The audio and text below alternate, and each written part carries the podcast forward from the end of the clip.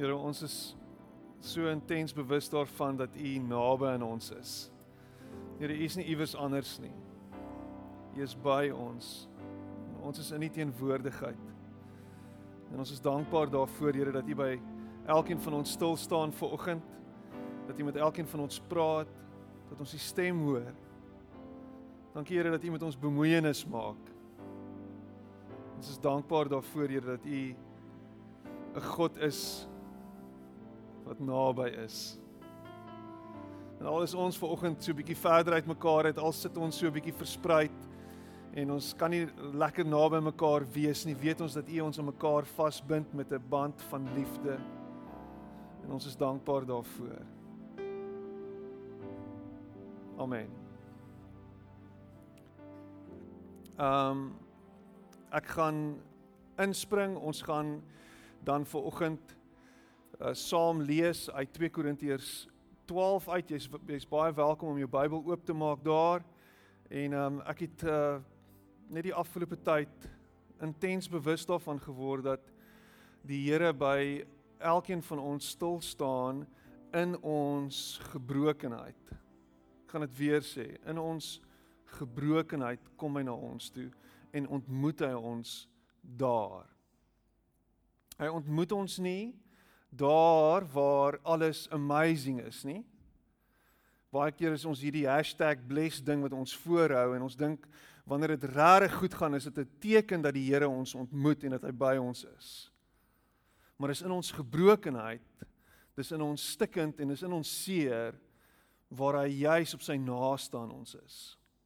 En en ek en ek hoop dit gee jou vanoggend 'n bietjie moed. Dit bemoedig jou om vanoggend hier te sit en te sê, weet jy Piet, dit dit maak my opgewonde. Want want dit beteken daar's hoop vir my. Daar's hoop vir jou. Daar's hoop vir elkeen van ons. 2 Korintiërs 12 en dis hier 'n baie bekende gedeelte. Paulus aan die woord en ons gaan bietjie meer stil staan by hom vanoggend, maar daar's 'n paar ander karakters ook. Hy sê 3 maal het ek in vers 8, 2 Korintiërs 12 vers 8, 3 maal het ek die Here gebid dat dit van my af weggeneem moet word. Sy antwoord was: My genade is vir jou genoeg. My krag kom juis tot volle werking wanneer jy swak is. Daarom sal ek baie liewer oor my swakhede roem sodat die krag van Christus my beskutting kan wees. Daarom is ek bly oor swakhede, beledigings, ontberings, vervolging en moeilikhede ter wille van Christus, Christus, want as ek swak is, is ek sterk. Want as ek swak is, is ek sterk. Here, dankie dat U in ons swakhede ons ontmoet. Dankie dat ons nie altyd hoef voor te gee dat ons sterk is nie dat U by ons stil staan al het ons nie alles uitgefigure nie. Al is ons nie the finished article nie. Dankie daarvoor. Amen.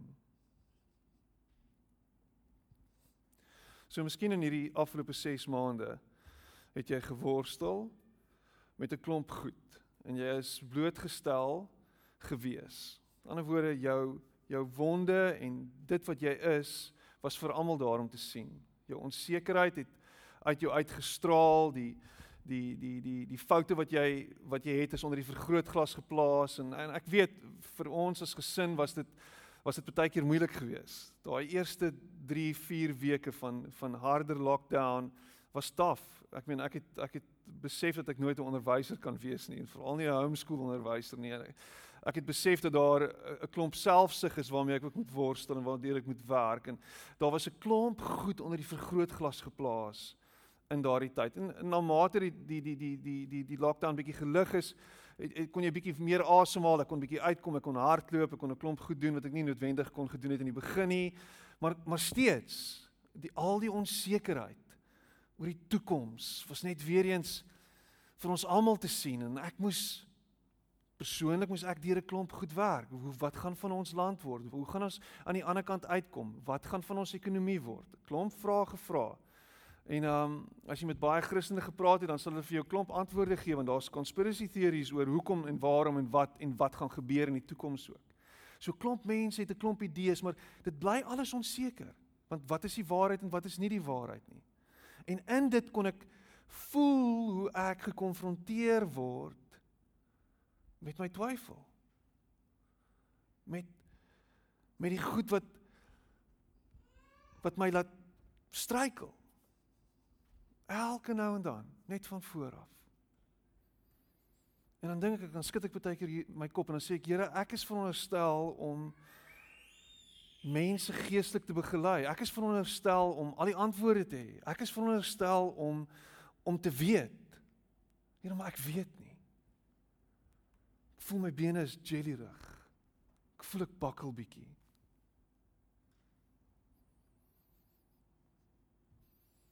Ek voel ek diskwalifiseer myself. Elke nou en dan.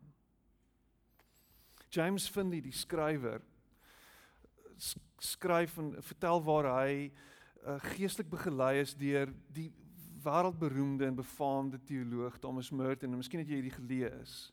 Maar ek lees in die week dit Thomas Merton was 'n monnik gewees en 'n uh, vreeslike diep denker en hy hy uh, James Finley vertel hoe hy as 18-jarige seun by hom aangekom het en met al sy gebrokenheid, al sy onsekerheid en al die trauma wat hy beleef het as kind kom hy by Thomas Merton aan en hy toe hy in sy kantoor instap vir daardie eerste ontmoeting, toe begin hy hiperventileer. En en Merton kyk na hom en sê wat's fout met jou? Hy sê wel jy's Thomas Merton en ek is James Finley. En en en Finley sê wat wat met hom gebeur het is hy het in daai oomblik net intens bewus geword van hoe pateties hy is in sy eie oë. Hoe swak hy is. Hoe hy nie goed genoeg is vir hierdie ontmoeting nie. Hoe hy gekonfronteer is met sy twyfelagtige selfbeeld as gevolg van alles wat met hom gebeur het. En en daar gebeur iets baie moois. Merton sê nie vir hom ruk jouself reg nie. Hy sê nie vir hom kom aan man, jy's beter as dit nie. Kom jy's 18, jy's sterk. Hy, hy, hy sê niks van dit nie. Hy sê van waar werk jy elke dag? Want op hierdie plek, die, die gronde waar hulle gebly het, het hy gewerk en hy het varke opgepas. Hy het by die varke gewerk. Dan sê toe sê Merton vir hom die volgende. Hy sê vir hom elke dag aan die einde van jou dag, voor aandgebede en voor aandete, dan kom jy na my toe en dan kom vertel jy my een ding wat by die varke gebeur het vandag. En hy doen dit en so begin sy recovery proses. So begin sy herstel en sy genesings proses. En hy sê dit so en ek ek ek gaan dit aanhaal want dit is so mooi gewees. Um toe ek dit lees.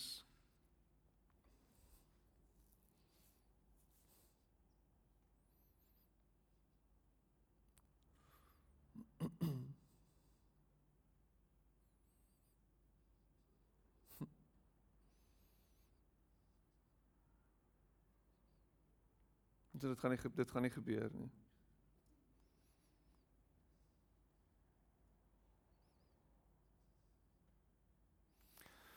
Wat hy sê is, hy sê ek is raak gesien gewees.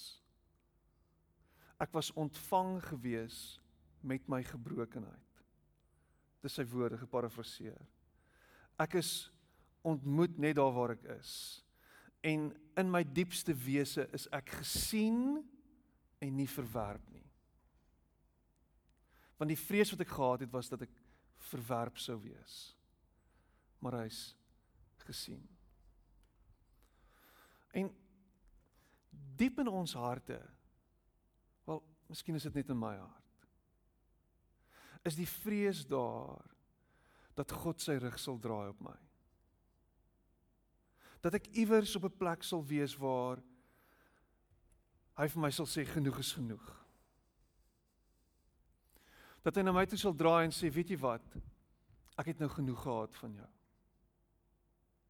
Jy het lank genoeg gehad om jouself te fix.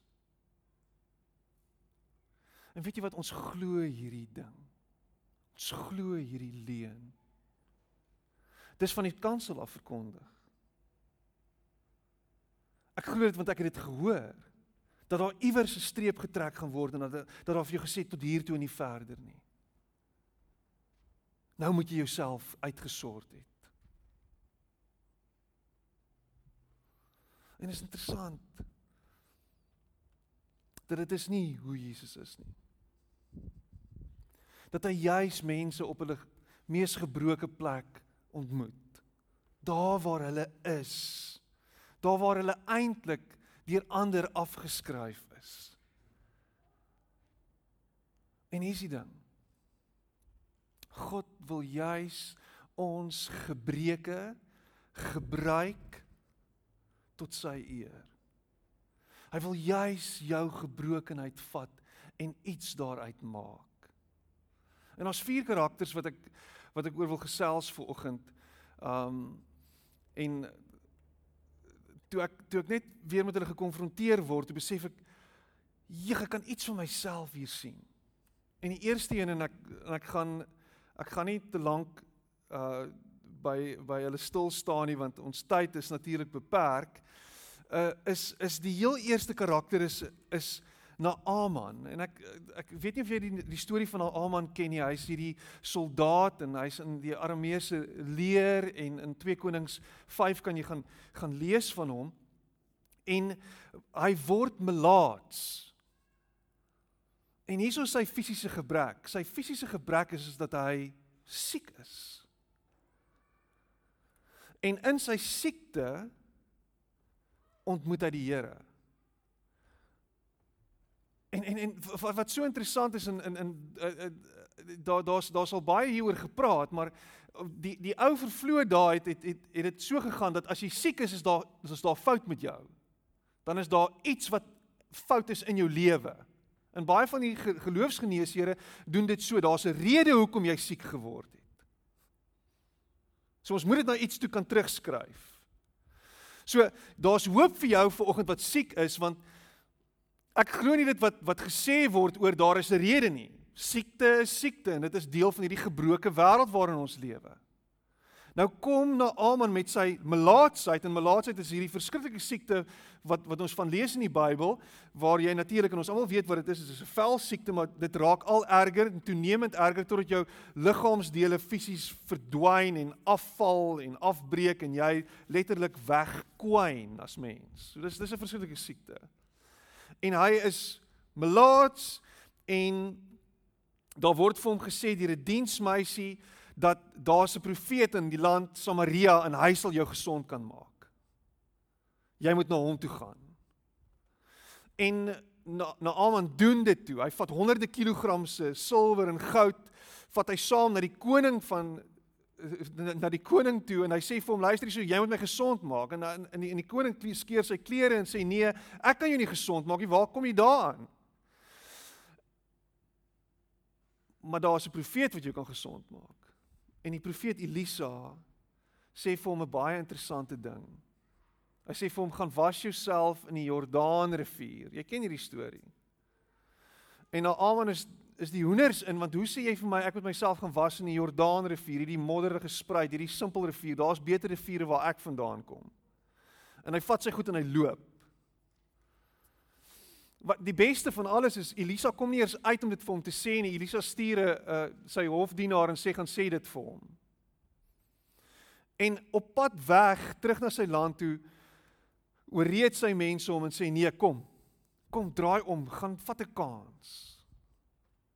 En hy doen dit toe. Hy was hom 7 maal in die Jordaanrivier en in dit word hy gesond. En in dit word hy gekonfronteer met die genesende krag van God. En in dit ontmoet hy die Here en erken hy, gaan hy terug na die profeet toe en sê ek erken dat die God van die Hebreërs die God is, die enigste God, die ware God. God het 'n afspraak met hom gehad en uiteindelik toe hy homself verneder, want hy wou nie homself verneder nie. Toe hy homself verneder en sê ek gaan myself was in hierdie patetiese ou stroompie. Ek gaan 7 keer in. Ek gaan luister na die profeet wat my nie eers kom sien nie, wat nie eers my goed genoeg ag om net na my toe te kom nie. Ek gaan dit doen wat hy sê. Toe gebeur daar iets. En God ontmoet hom daar. En ek dink hier's iets vir my en vir jou te leer is dat juis in hierdie plek van totaal en al oorgawe neerlê van myself, my eie ek, my ego net so 'n bietjie op sy skuif en sê, weet jy, ek is nie so belangrik as wat ek gedink het nie. Of daai ego wat juis die hindernis is tussen jou en die ontmoeting wat jy so brood nodig het. Ja, en, en ek sien dit. Om jouself nie kwesbaar te wil maak nie. Om nie net uit te kom en te sê, weet jy wat ek struggle nie.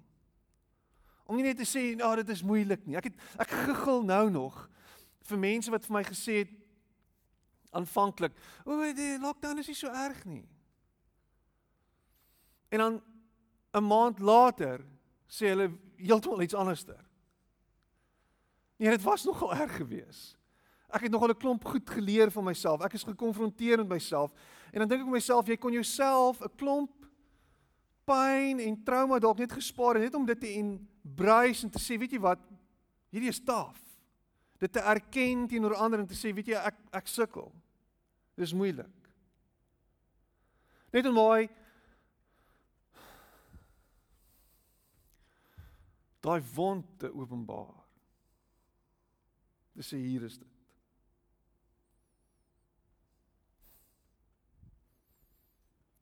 Nou Aman Uh, Matthew Henry sê dit. Hy sê in in in sy kommentaar, hy sê no man's greatness or honor can place him out of the reach of the sorest calamities of human life. Every man has something that blemishes and diminishes him, some allay to his grandeur and some damp to his joy. Daar's by ons almal iets wat ons druk en dring.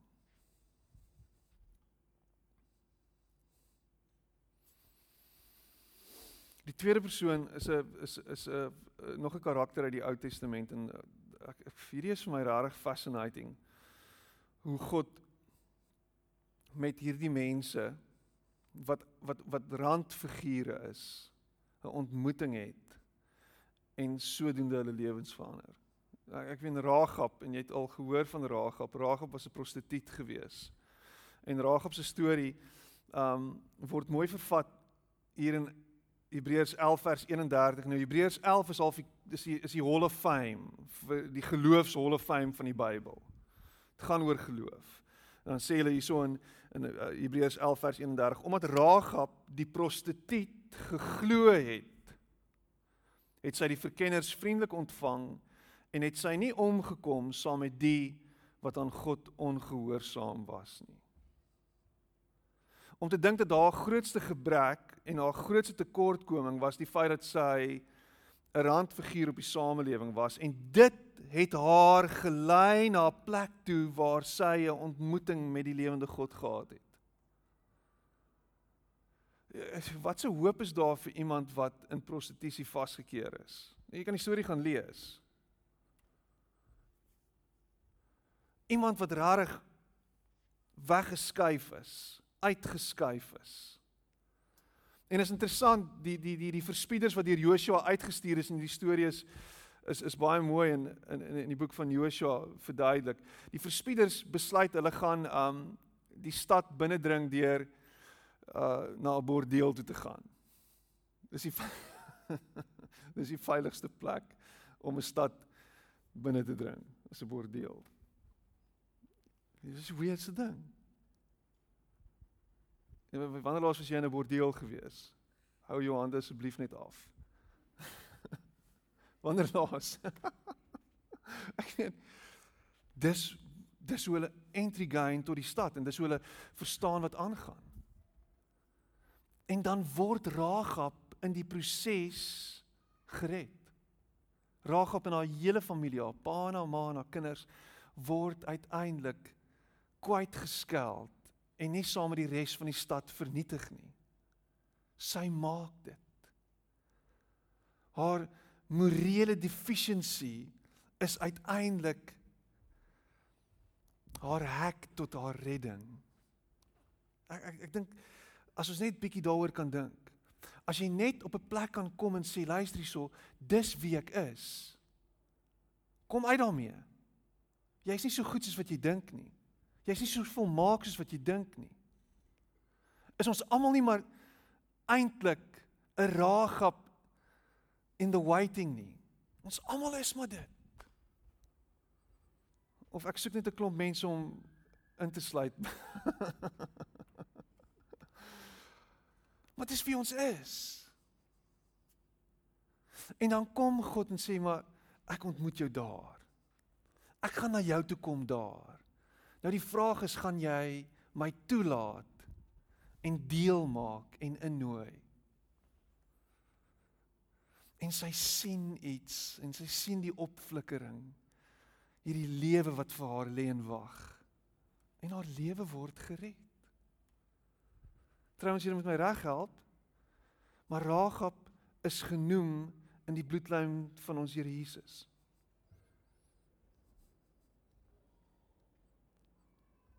Ragab is genoem in die bloedlyn van ons Here Jesus. 'n dodgy vrou en 'n hele klomp dodgy ouens deel van daai bloedlyn. So hier's die ding. Kom met daai gebrokenheid na hom toe. En erken dat jy is wie jy is en sê Here kom, doen iets vir my en red my uit hierdie situasie uit. Die derde karakter waaroor ek wil gesels wat nie noodwendige uh 'n fantastiese persoon van integriteit was nie, is 'n Saggeus. En Saggeus het hierdie fisiese gebrek gehad dat die Bybel sê en as jy as jy gaan lees in Lukas 10 hoe hy voorgestel word, word hy voorgestel as 'n Lukas 19, jammer. Lukas 19 word hy voorgestel as 'n kort mannetjie. Dit was dit was dit was sy ding gewees. Hy was 'n tollenaar, maar die die die fisiese eienskap was dat hy kort was.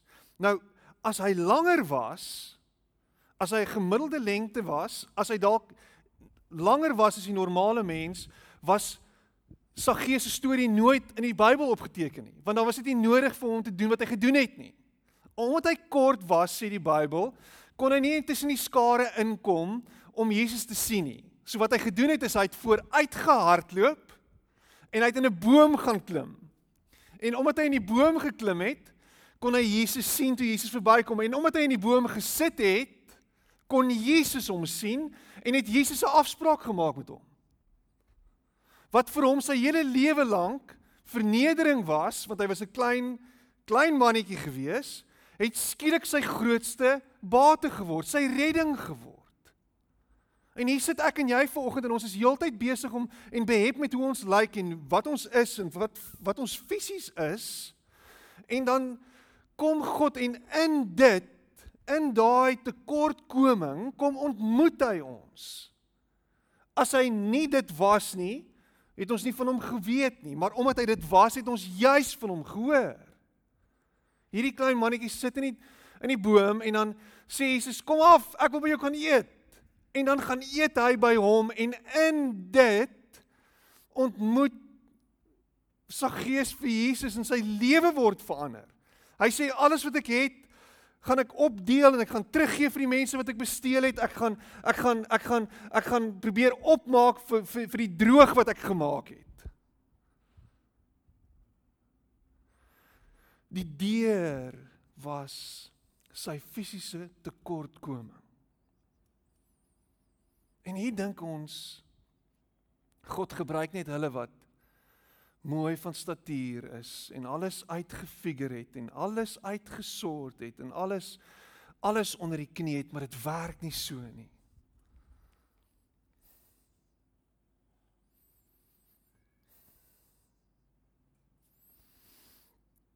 En die laaste een waaroor ek wil praat vanoggend is is een wat ek dink vir ons almal 'n groot les is. En hier's iets waar ons ons harte moet check. Want Saulus wat Paulus word was 'n man van onkreukbare karakter gewees. 'n Ou wat alles uitgefigure het, 'n ou wat alles uitgesort het, deel van die Fariseërs. En die Bybel sê en hy hy sê dit so baie mooi hier um in Handelinge 8 hoor ons van Saulus dan dan dan dan praat die Bybel van uh, in in vers 1 hy sê ook Saulus het hierdie moord goedgekeur Daardie dag het daar 'n ewige vervolging van die gemeente in Jerusalem begin. Al die gelowiges behalwe die apostels is uitmekaar gejaag en verstrooi oor die gebiede van Judea en Samaria. Godvreesende mense het vir Stefanus begrawe en daar is baie oor hom gerou, die eerste martelaar wat gesterf het vir Jesus. Saulus het die kerk probeer uitroei. Hy het van huis tot huis gegaan, mans en vrouens laat uitsleep en hulle in die tronk laat sit want dis wie hy was. Hy was oor ander aangestel om hierdie tipe werk te doen. Hy het bygestaan en gesê: "Ja, hierdie man en vrou verdien om in die tronk gegooi te word. Sleep hulle uit hulle huis uit en gaan gooi hulle in die tronk." Hy het nie sy hande vuil gemaak nie. Hy het daar gestaan en kyk hoe dit gebeur en die opdrag gegee. Dan gaan ons verder en ons lees in in Handelinge 9 en in in die Afrikaanse nuwe vertaling sê dit so mooi. Hy sê intussen het Saulus soos 'n besetene voortgegaan om die volgelinge van die Here met die dood te dreig. Hy het soos 'n besetene voortgegaan om die volgelinge van die Here met die dood te dreig en hier's iets Hier's iets hier aan Saulus wat ons wat ons nou sien en ons leer iets van hom en dit is dat hy met haat in sy oë rondgeloop het. Haat in sy hart rondgeloop het. Haat. Haat was sy dryfveer.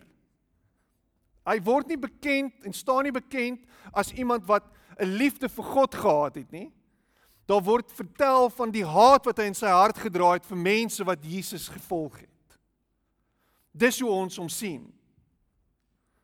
En dit voel vir my in hierdie wêreld waarin ons nou leef, is haat iets wat heeltyd vooropgestel word, aangeskryf word. Ons haat alles. Selfs ons as Christene haat die wêreld en haat mense in die wêreld wat nie soos ons dink nie en wat nie soos ons optree nie, wat nie volgens die Bybel optree nie. Haat. En dan gebeur daar iets met Paulus wanneer die Here hom konfronteer op die Damaskuspad. En ons lees hier daarvan daarvan hier in, in Handelinge 9. Sy doel was om al die aanhangers van die leer van die Here wat hy daar kry, mans sowel as vrouens gevange te neem en na Jerusalem toe te bring. Dit was sy doel gewees. En op reis naby Damaskus het daar skielik 'n lig uit die hemel op hom gestraal. Hy het op die grond neergeval en 'n stem vir hom hoor sê: "Saul, Saul, Waarom vervolg jy my? Wie is die Here vra hy toe? Ek is Jesus, antwoord hy. Dit is vir my wat jy vervolg. Dit is vir my wat jy vervolg. En in dit word hy gekonfronteer met wie hy is. En besef hy skielik dat hierdie hierdie leuen waarvoor hy lewe nie die antwoord is nie. Hierdie harde hart wat hy heeltyd besig is om na te volg, nie die uitkoms gaan bring nie. Nie die oplossing gaan wees nie. Nie die antwoord gaan wees vir die wêreld nie. En die Here laat hom 'n 180 grade draai doen en draai hom heeltemal om van binne af buitentoe. En hierdie selfde Paul Saulus is die Paulus wat later skryf en sê dat liefde altyd sal wen. Sy hart word omgedraai. En die Here ontmoet hom daar. En uiteindelik word hy bekend as iemand wat met alles binne in hom vir Jesus is en nie meer teen hom nie dat hy sy hele wese wy aan die roeping daardie dag aan hom gegee. Sy hele wese gaan nou oor om die gekruisigde Jesus te verkondig aan die wêreld. Die een wat nie glo in geweld nie, die een wat nie glo in haat nie, die een wat juis glo in liefde en verlossing en genesing en bevryding. Om te dink dat vir God is niemand beyond redemption nie. Nie Ragab nie, nie Naama nie, nie Saggeus nie, nie Paulus nie, nie jy nie en nie ek nie. En daar's hoop vir ons vandag. Bring daai gebrokenheid na hom toe. Bring daai character flaw na hom toe. Daai ding waarmee jy heeltyd worstel.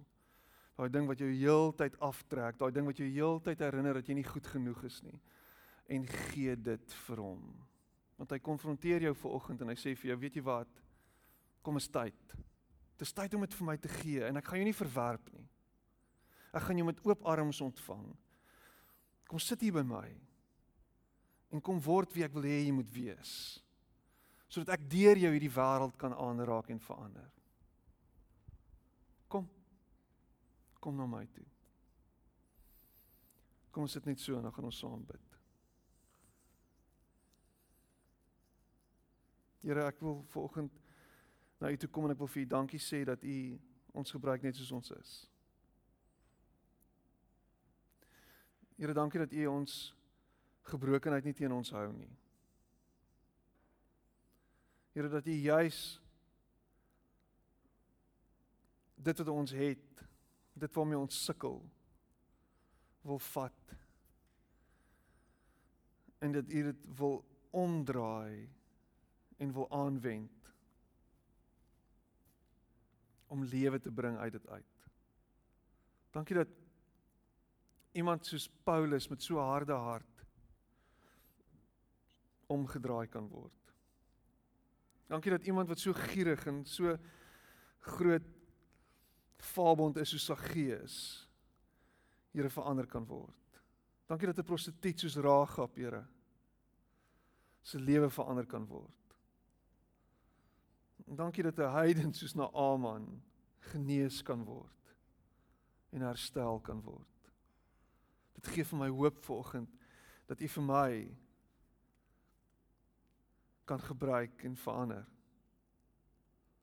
En dat niemand beyond redemption is nie. Dankie dat ons hier sit vanoggend en daar's hoop vir ons. En ek prys U daarvoor. Amen. En amen. Baie dankie dat julle gekom het vanoggend. Um mag Here jou seën en mag jy regtig beleef hoe hy met jou is en voor jou uitgaan in hierdie week. Mag jy regtig ervaar dat hy by jou stil staan en dat hy jou gebruik as instrument in sy hand. En mag jy met daai gebrokenheid van jou na hom toe kom en sê Here, hier is ek. En mag jy hom ontmoet in dit. Mag jy sy aanvaarding beleef.